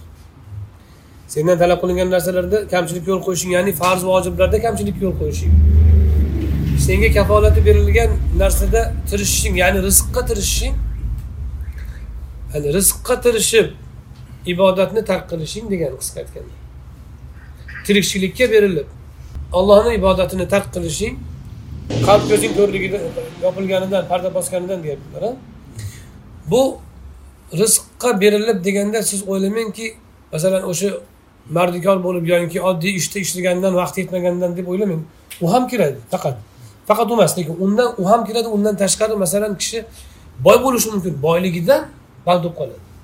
Ish kattayganidan band bo'lib qoladi. O'sha bilan band bo'lib ish bilan. Ishi kattayib masalan ba'zi odam mansabi kattayib ketadi ba'zi odam ishi kattayib ketadi boyligi kattayib ketadi faoliyat kengayib ketadi. O'shan bilan band bo'lib allohni ibodatidan to'silishi bandani. Bu yerda tirishish deganda faqat haligi topolmayotgan odamni tirishishini tushunmang. Balki topib ko'payib ketganidan yana ham ko'p tirishayotganlar bor. O'zi odamni puli ko'paygan sari topishga rag'bat kuchayaveradi o'sha egallagan molu mansabiyu egallagan bir o'zini boyligi mavqelarini saqlab qolish uchun yoki o'stirish uchun shu bilan band bo'lib ibodatga ulgurmay qolish ham qalb ko'zini pardasi bosilgan. Endi shu hikmatni biz oldingiga bog'lasak bu shartdagi aytilgandan tashqari gap bu. Shartda bu kishi kafolati berilgan narsa rizq sendan talab qilingan narsa nima? Ibodat deb aytdilar bu hamma shorihlar aytgan gap. Bu albatta birinchi ma'no. Lekin ikkinchi ma'no oldingi ma'noga bog'lasakchi oldingi hikmatga arih nafsaka minat tadbir. Nafsingni o'zingni tadbirdan xalos qil deganlarida tadbir nima edi? Natijani qaror qilish qarorini berishdi. Seni o'rningga boshqasi qilib qo'ygan ish la taqum bihi anta li nafsik. Boshqa boshqa qilib qo'ygan ishni o'zing uchun yana qilib o'tirma. Degan hikmatlarni oladigan bo'lsak boshqasi senga qilib qo'ygan narsa deganda nimani aytdilar natija olloh bergan taqdir. Ammo tadbir nima edi? Qarorini berish natijani. Shunga bog'laydigan bo'lsak bandadan talab qilingan narsa sababni keltirish natijani allohga tashlash. Shunda ijtihaduka fi lakda senga kafolati berilgan narsa deganda natijani tushunishingiz mumkin. Bu rizqqa cheklanmaydi. Bundan ma'no rizqqa cheklanmaydi har bir amalga bog'lanadi. Ta'limga ham. Har bir amalingiz borki sababni keltirdingiz natijasi bor. O'shanda sizdan talab qilingan narsa. Balak ham bandadan sabab talab qilingan. Nimaga? Chunki allohni kavniy hukmiga bo'ysunish bu. Kavniy hukmiga bo'ysunish. Bandadan sabab talab qilingan sababni talab qilishda agar kishi taqsirga yo'l qo'ysa sababni keltirishda. Bu ham qalb ko'zi ko'rligidan ya'ni haqiqatni ko'rmayotgandan allohni sababiyat qonunini yaxshi bilmayotgandan bo'ladi. Yoyinki natijaga bosh qotirish ham qalb ko'zi yaxshi ko'rmayotgandan bo'ladi. Shunday tushunsa ham bo'ladi bu bu hikmat. Ya'ni ikkalasini bir biriga bog'lamasdan. Ijtihaduka fi lak. Ya'ni natijani yuqoridagi hikmatda nima edi maqoma bihi g'ayruka ank. Ya'ni ijtihaduka fi duminalakni ijtihaduka maqoma bihi g'ayruka ank. Oldingi hikmat bilan izohlashimiz mumkin. Ya'ni alloh taolo sen uchun qilib qo'ygan narsaga sen o'zingni urintirma degandimi o'shanga urinishing. Deyapti. Sendan talab qilingan narsada kamchilikka yo'l qo'yishing degani ya'ni sen sendan sabab olamiz desan sabab talab qilinyapti. Tajridga o'tmoqchisan sababni tark qilmoqchisan. Unda ham e, sen qalbing ko'zi ko'r bo'lgan bo'ladi bunda ham qalbing ko'zi ko'r bo'ladi yoki parda bosgan bo'ladi deb izohlash ham mumkin. Ya'ni oldingi hikmatlarga bog'lagan holatda shunday tushunish ham mumkin. Ya'ni ijtihaduka fima duminalak degani ijtihaduka fima qoma bihi g'ayruka ank ya'ni tadbir ya'ni o'sha ijtihod qilishing natijani o'zim chiqaraman deb urinishing. Allohga tashlamasdan. O'zing o'zim chiqaraman deb urinishing bu qalbingni ko'zi ko'rligidan. Olloh beradi uni demoqchi. yoki tajrid fi al asbab. Ha irodatuka tajrid irodatuka maa fi al asbab. Alloh seni sabablarga qo'ygan holatda tajridni istashing degan deydilar shahovatdan deydilaru ya'ni sendan talab qilinganida sabablarni keltirish. Bu narsalarda taqsirga yo'l qo'yishing sababni keltirishda ham ya'ni sen tajridga erishmay turib bu ham qalbingni ko'zi ko'rligidan ya'ni sababiyat olamini qalbing yaxshi ko'rmayotganidan tushunmayotganingdan bo'ladi. Bunday tushunsa ham bo'ladi. Allohu alam. Endi bu yerda demak kishi tirikchilik qilsinmi qilmasinmi? Qilsa qanday qilsin degan savol. Ha mana shu yerda bizni shariatni qoidasi banda tirikchilik qilsin. Sabablarga bu yerdagi asosiy narsa qalb ishi. Qalbingiz o'sha narsalarga bog'lanmas. Tirikchilikka chiqib ketasiz ollohni amrini bajarish uchun halol kasb qilish uchun mehnat lekin natija allohni o'ziga tashlagan holda. Shu imomi tabaroniy mo'jamda kab ibn ujradan rivoyat qilgan hadisi sharifda rasuli akram alayhissalotu vassalom bir to'da sahobalar bilan chiqdilar. Bir kishini ko'rishdi. Juda mehnatkash odam ekan o'sha qaysidir bir kasbda ishlaydi. O'sha odamni o'sha o'zini kasbida yonib ishlayotganini bor quvvati bilan juda matonat bilan ishlayotganini ko'rib ashoblar aytdilarki ba'zilari birlari aytdiki qani endi voy ha hada dedilar. Bu holiga voy bo'lsin. Qani endi shu mehnatni ollohni yo'lida qilsa edi bu? Fisabilillah ollohni yo'lida qilsa edi shu mehnatlarni. Qani endi bu shunday qilsa? Bu tirikchilikka shunaqa mehnat qilyotibdi deb gapirdi bittalar. Shunda rasuli akram alayhissalatu aytdilarki qaytardilar bu gapni. Aytdilarki agar dedilar.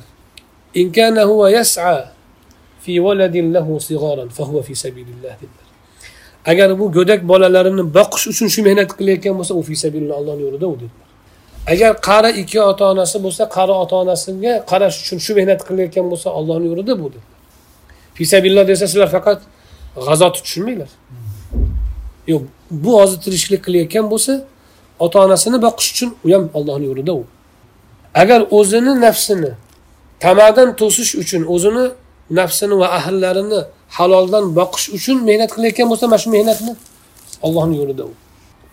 Ammo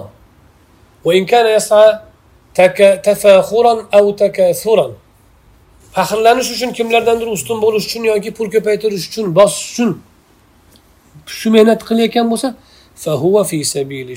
o'shanda u shayton yo'lida. Demak topilayotgan molni katta ko'pligi qilayotgan mehnatni oz ko'pligida emas gap. Balki qalbning holatida qalb birinchi bo'lib alloh subhanahu va taoloni o'ziga tayansin amalida va alloh taoloni xohishini bajarish uchun ishlasin. Tirikchiligini ham shuncha qo'shib olsin.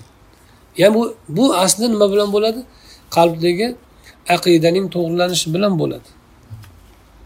Niyat shu bilan to'g'rilanadi niyat deganda bir o'ylab qo'yish emas u. Niyat sizga berayotgan turtki u aqida asli.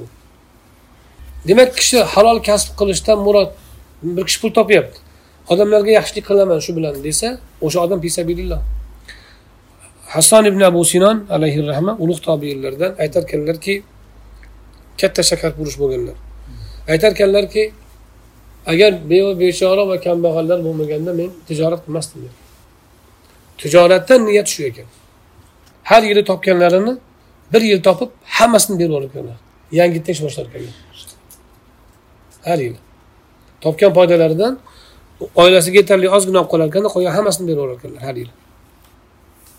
Ya'ni ishini boshidan birinchi samoyaga tushirib boshlayverar ekan kattaytirishsa ham bo'ladi kattaytirishni xohlamagan chunki u ularni mashg'ul qiladi. Bitta do'konni ikkita qilsangiz bir soat o'n ikki soat vaqt ketadida keyin.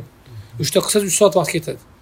O'shani istamagan o'zini ibodatdan chalg'itmaydigan holatda sarmoyani ushlagan va ahliga olganda qolgan hammasini beraveravergan ana shuni qur'oni karim aytadiki fi buyutin adinalloh an turfaa. Ollohni baytlari masjidlarini aytadi. O'sha baytlarki o'sha baytlarda olloh o'sha bayt uylarni ko'tarilishini izn bergan ya'ni baland qilishni izn bergan. Va unda allohni ismi zikr qilinishi izn bergan. Ollohni zikri e, zikri ismi zikr qilinadi o'sha joylarda. Masjidda aytmoqchi o'sha yerlarda tasbih aytadi ibodat qiladi. Yusabbihu fiha bil val asoli rijal. Ertayu kech u yerda namoz o'qib ibodat qiladi ba'zi bir kishilar. Kimlar ular? Rijollar ular qanday rijollar qanday kishilar ular? Qanday erlar? Bizni mumtoz adabiyotimizda eranlar deb qo'yadi. Eronlar. Shunday mardlar ya'ni. Shunday mardlarki tijorat va oldi sotdi ularni allohni zikridan namozni ado qilishdan zakotni berishdan to'smaydi chalg'itmaydi.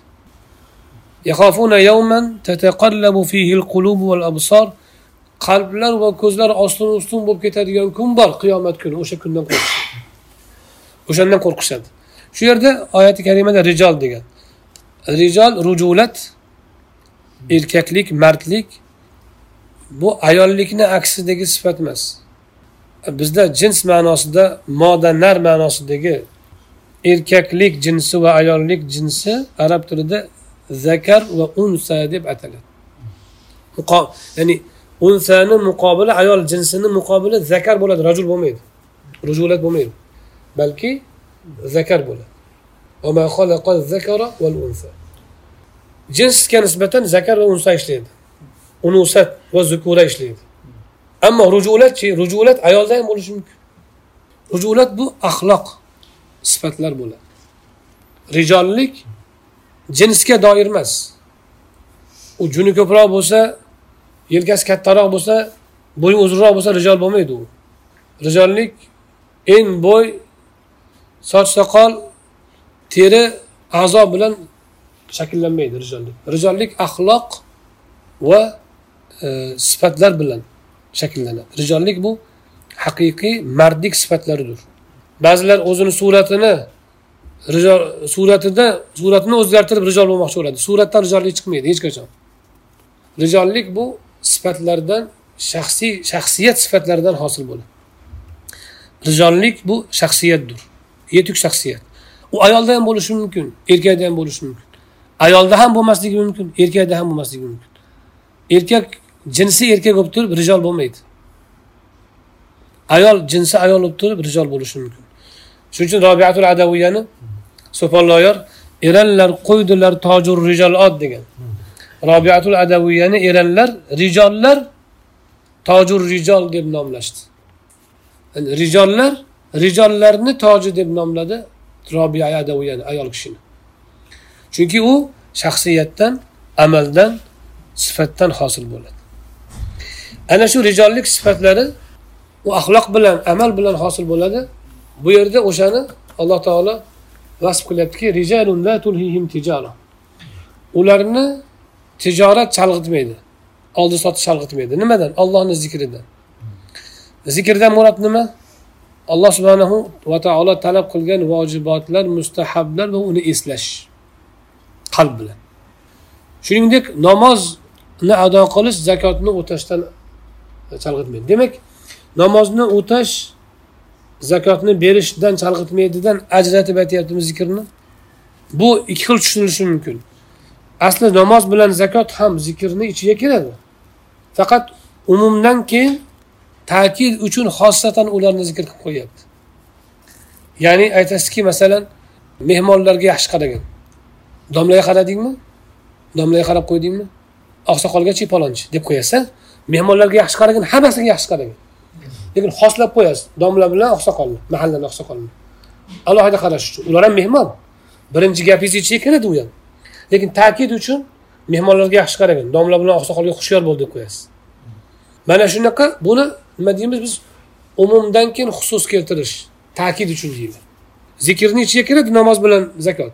Ammo ta'kid uchun ajratiladiki xususan ollohni zikridan chalg'imaydi xosatan namoz bilan zakotdan degan bo'ladi.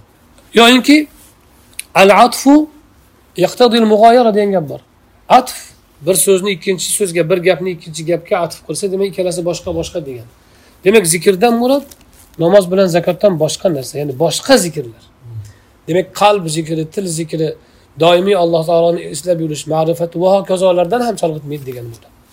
Endi shu yerda la tulhihim deyapti chalg'itmaydi deyapti. Chalg'itmaydi. Ilha lahudan olingan. Lahu kishini chalg'itish beparvo qoldirish. Namozdan zikrdan beparvo qilolmaydi bu nima degani? Namozdagi xushusiga ta'sir qilmaydi degani. Man yaxshi ibodatli yuruvdim. Do'konga chiqqanimdan beri xushu yaxshi emas namozda deyaptimi? U rijollardan emas. Namozni tark qilsayu umuman o'zi musulmonlarni safida bo'lish qiyin. Musulmon sanaladi musulmonman desa agar. Davosi bo'lsa qabul qilinadi. Ammo chin mo'min bo'lmaydi u. Bir yo'li tark qilsa. Ammo namozdagi va zakotdagi va yoki zikrdagi holati o'zgarsa chalg'isa shundan. Shu ham rijol emas. Rijollarni chalg'itmaydi o'sha shuning uchun agar siz ramazonda zo'r yursangizu ramazonda tirikchilik chekkaga chiqarib qo'ygansiz savdoni chekkaga chiqarib qo'ygansiz hatmidasiz kunduzi ro'zasiz yaxshi yuribsiz. Ibodatda qalbingiz xotirjam. Lekin keyin tirikchilikka kirdingiz chalg'ib ketib qolib oldingi e, ibodatdagi holatingizni yo'qotdingiz. Qur'ondan vazifangiz bor edi tugadi qoldi u ham. Namozni juda xotirjam o'qirdingiz apil tapil o'qib ketadigan bo'ldingiz. Sunnatlarni nafllarni o'qirdingiz farzni o'qiblar chiqib ketadigan bo'ldingiz. Tasbehlarni duolarni xotirjam qilar edingiz zikrlarni shularni qo'yib farz bilan kifoyalanadigan bo'lyapsiz. O'sha farzda ham oldingi halovatlari yo'q. Demak sizni chalg'ityapti. Hali to'xtatgani yo'q. Oyatda chalg'ityapti deyapti. Hali to'xtatmadi chalg'ityapti. Demak chalg'ityaptimi? Demak rijollardan emas o'sha.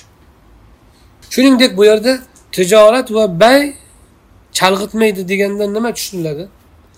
Ularni tijorati va bayi bo'ladi degan tushundingizmi rijollarni tijorati bayi bo'ladi ishi bo'ladi ular. Haqiqiy rijol ishlaydi u. Ammo o'sha ish uni chalg'itmaydi. U mansabda o'tiradi. U oddiy ishchi bo'ladi.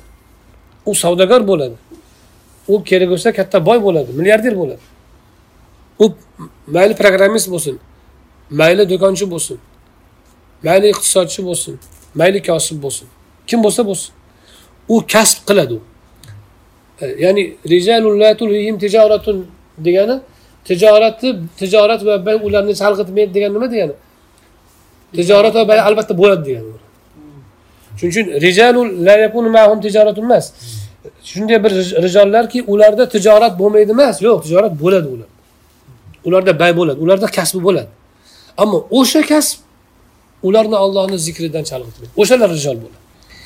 Kimiki tark qilsa tijorat bayni u ham rijollikni kamoliga yetkazolmaydi. Demak ana shu kishilarni alloh taolo maqtaydi va o'shalar masjidni obod qiladi deydi. Meni uyimni obod qiladiganlar o'shalar deydi. Nimaga ular shunday bo'ladi? Nimaga ularni chalg'itmaydi tijorat? Nimaga chalg'itmaydi? Qiyomatdan qo'rqishadi.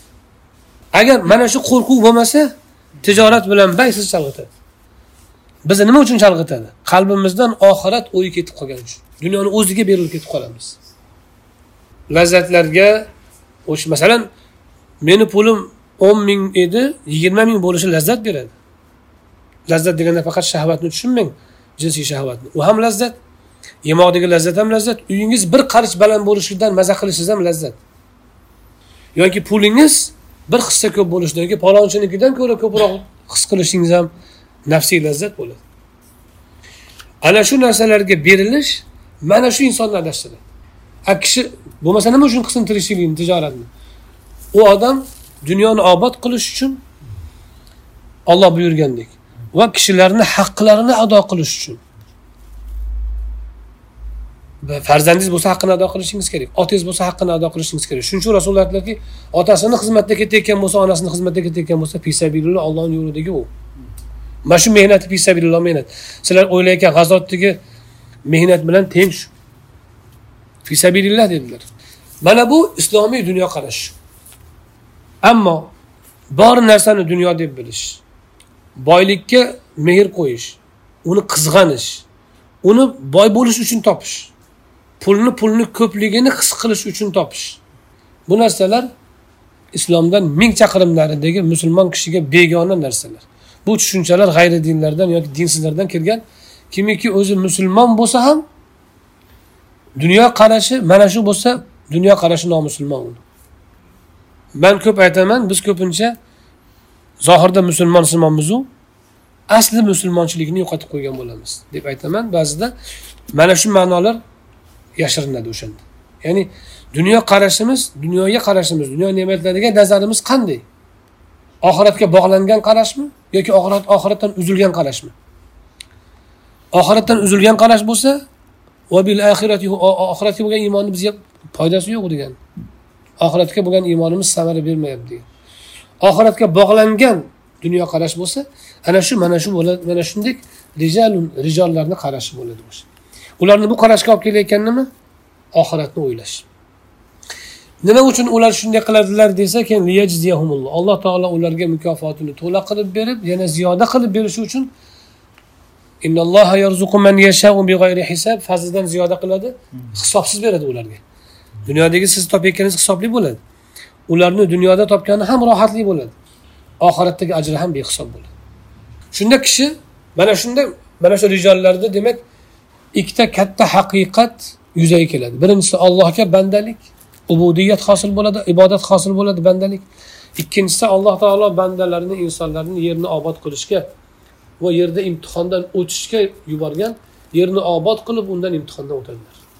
Mana shu ikkita vazifa chiroyli bo'ladi endi mana shu sifat bo'lmasachi ya'ni oxiratga bog'lanmagan dunyoqarash bo'lsachi unda insoniyat shu bir birini go'shtini yeb yashaydi doim bo'lganda tarixdagi urushlarni o'qing to'qson to'qson besh foizi shu birovni moliga ko'z olaytirishdan kelib chiqqan xolos. Seni yeringdan meni yerim bo'ladi seni xotining meni xotinim bo'ladi. Seni moling meni molim bo'ladi menga bo'ladi seni mulking ham degan istakdan kelib chiqadi tajovuzkorlik. Hamma urush janjal shundan chiqqan. Birinchi jahon urushi ham shu ikkinchi jahon ham shu undan oldingisi ham keyingisi hammasi shu. Illo fisabililloh bo'lgan ba'zi fathlargina mustasno. G'oliban mana shunaqa bo'ladi. Alloh taolo yer yuzida adolatni istagani uchun bandalarga yaxshilikni istagani uchun insoniyatga ravnaqni istagani uchun ularga mana shu nizomni qo'ygan. Rijollarni nizomini qo'ygan. Agar kishilar shu rijollarni nizomini olsa ya'ni dunyo ne'matlari bilan shug'ullanadi ulardan hojatiga yarasha oladi va ularda kishilarni haqlarini ado qilish uchun qiladi u ishni ular bilan. Mana bu kishilar dunyoni faqat ezgulikka to'ldiradilar ne'matga cho'mdiradilar. O'zlari ham rohatda o'tadilar boshqalarga ham rohat baxsh etadilar. Aksinchachi talashib o'zi ham xunob bo'ladi. Oxiri o'ziga ham nasib qilmaydi. Boshqani ham yulib burnini qonatadi. Natijada yer yuzida zulm adolatsizlik avj mana shu hozirgi biz hozir emas butun tarixda insoniyat tarixi. Qayerda siz adolatsizlikni zulmni ko'rsangiz qayerda tajovuzni yovuzlikni ko'rsangiz bilingki dunyoni muhabbatidan kelib chiqqan bo'ladi. Oxiratni muhabbatidan faqat ezgulik keladi. Oxiratni muhabbati yana qaytib qaytib aytamiz. Dunyoni harobasiz obod qiladi. Xarobliksiz tajovuzsiz zulmsiz obod qiladi. Ammo dunyo muhabbatiga qurilgan dunyoqarash bo'lsa dunyoni ko'rinishda suratda obod qiladi ammo asli harob qiladi. Shuning uchun biz yana bitta tushunchani ajratishimiz kerak. Madaniyat tamaddun bor hazora deymiz. Taraqqiyot bor moddiy taraqqiyot. Moddiy taraqqiyot bu qulayliklarni hosil qilishdan iborat. Aravada yuradingiz moshinaga chiqdingiz moshinangizni oynasini qo'l bilan ochardingiz knopka bilan ochiladigan bo'ldi. Qo'l bilan quplardingiz knopka bilan quplanadigan bo'ldi. Uyingizni derazani ochib sovutardingiz konditsioner qo'yib sovutadigan bo'ldingiz olov yoqardingiz oyog'ingiz ostidan elektr ishlayapti taraqqiyot bu. Uyingiz bir qavatli bo'lardi uch qavatli bo'ldi besh qavatli edi o'n qavatli bo'ldi. Devoringiz suvoq edi rangli bo'ldi. Mana bular moddiy taraqqiyot. Kiyimingiz rangi chiroyli bo'ldi oldingidan ko'ra. Bular moddiy taraqqiyot bular baxt bermaydi. Qulaylik beradi. Qulaylik bilan baxtni farqi bor. Bular qulaylik beradi xolos. Ammo tamaddun nima? Madaniyat yoki hazora tamaddun nima? Tamaddun bu insoniy oliyjanoblikning o'sishi. Insoniyat insoniylikning odamiylikning o'sishi kamoli tamaddun deyiladi. U nimada ko'rinadi? Ota farzandiga shafqatli bo'ladi. Farzand otasini keksayganda qariyalar uyga tashlab kelmaydi. Yotib olib xizmatni qiladi. Ota yoshligida bolasini o'pib po'palagan bo'lsa qariganda bolasi uni o'pib po'palaydi bu insoniylik odamiylik shu. Ayol ayol tarzida e'zozlanadi buyum tarzida emas. Yoki shahvatni qondiruvchi vosita sifatida emas. Erkak erkak sifatida oila rahbari murabbiysi sifatida e'zozlanadi bank bankomat sifatida emas. Puli bo'lgani uchun emas. Boqqani uchun emas faqat ya'ni uyi uchun er qilinmaydi. Yoki puli uchun. Balki u erkak sifatida e'zozlanadi jamiyatda ustoz ilm egasi ko'klarga ko'tariladi. Tolib yordamga olinadi. Nogiron shafqatga olinadi. Podshoh adolatli bo'ladi xalq itoatli bo'ladi. Mana buni tamaddun deydi. Kishilar orqasidan yugurayotgan narsa g'arbda. Ular tamaddunini olmayapti. Taraqqiyotni olishyapti. E, tamaddunini ham olishyapti ba'zan buzuq joyini. Bu tamaddun emas ular tamaddun deb aytayotgan narsa. Ayol kishini yechinishi erkakni erkakka nikohlash bu tanazzul bu. Tamaddun emas. Taraqqiyotiga ko'rib hang mang bo'lib tanazzulini olib olishyapti. E, tamadduni bor adolatli jihatlari bor. Insonni inson sifatida ikrom qilish bir birini haqqini yemaslik. Mana bu sifatlar bor ularda tamaddunni ko'rinishlar. Ularda olishmaydi. Taraqqiyotini olishyapti ba'zi odamlar va tanazzulini olishyapti. Tamaddunidan foydalanishmayapti. O'sha tamaddun ulardagi tamaddun. Asli islomdan ingliz qonun qonunchiligi hozir dunyodagi eng yetakchi qonunchilik. Nima asosida rivojlangan desangiz qur'oni karimdagi qist adolat mezoni bilan rivojlangan xolos.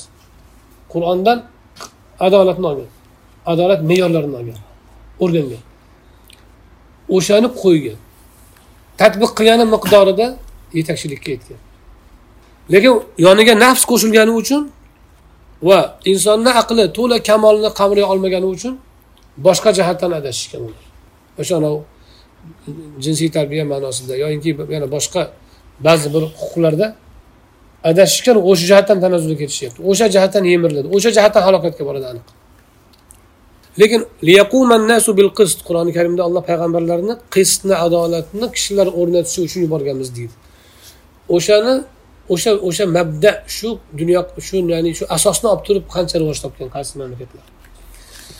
Mana buni tamaddun deydi.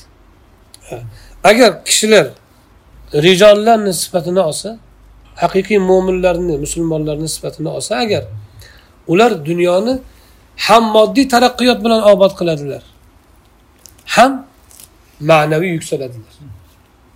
Ana shu sodir bo'lgan tarixda ana shu sodir bo'lgan bizni tariximizda ham islom tarixida xususan ashobi ikromlarni davrlari ulardan keyingi davrlarda ana shu taraqqiyot hosil bo'lgan. Ikki jihatdan. Э, alloh subhanahu va taolo bandalarga iroda qilgan yaxshilik shu. Kim qancha uni o'zida mujassam qilsa qaysi jamiyat qaysi yurt qaysi xalq o'zida shuncha qanchalik buni joriy qilsa ular shunchalik saodatga yetadilar dunyoda ham oxiratda ham inshaalloh saodat quchadilar demak fi senga kafolati berilgan narsada tirishib va taqsiruka fima tuliba mink sendan talab qilingan narsada taqsirga kamchilikka yo'l qo'yishing dalilun ala intimasil basirati mink. Seni qalbingni ko'zini parda bosganining alomatidir dedilar. Biz bu alomatni bilgandan keyin nima qilishimiz kerak? Qalb ko'zini ochishga urinishimiz kerak. U nima bilan bo'ladi? U aqidani to'g'irlash zikrni ko'paytirish va qalbni allohga bog'lash sabablar bilan odobiga yarasha muvofiq odobiga muvofiq tarzda taomil qilish va allohga uning rububiyatiga yarasha bandalik qilish bilan bo'ladi. Bu albatta ilm va ma'rifat bilan va katta bir mehnat bilan hosil qilinadi. Kimki o'zida hosil qilsa o'zida saodat topadi va atrofiga ham saodat baxsh etadi inshaalloh. Alloh subhanahu va taolo o'zi bizga أنا شو بحث النسيب سن آه. سبحان ربك رب العزة عما يصفون وسلام على المرسلين والحمد لله رب العالمين.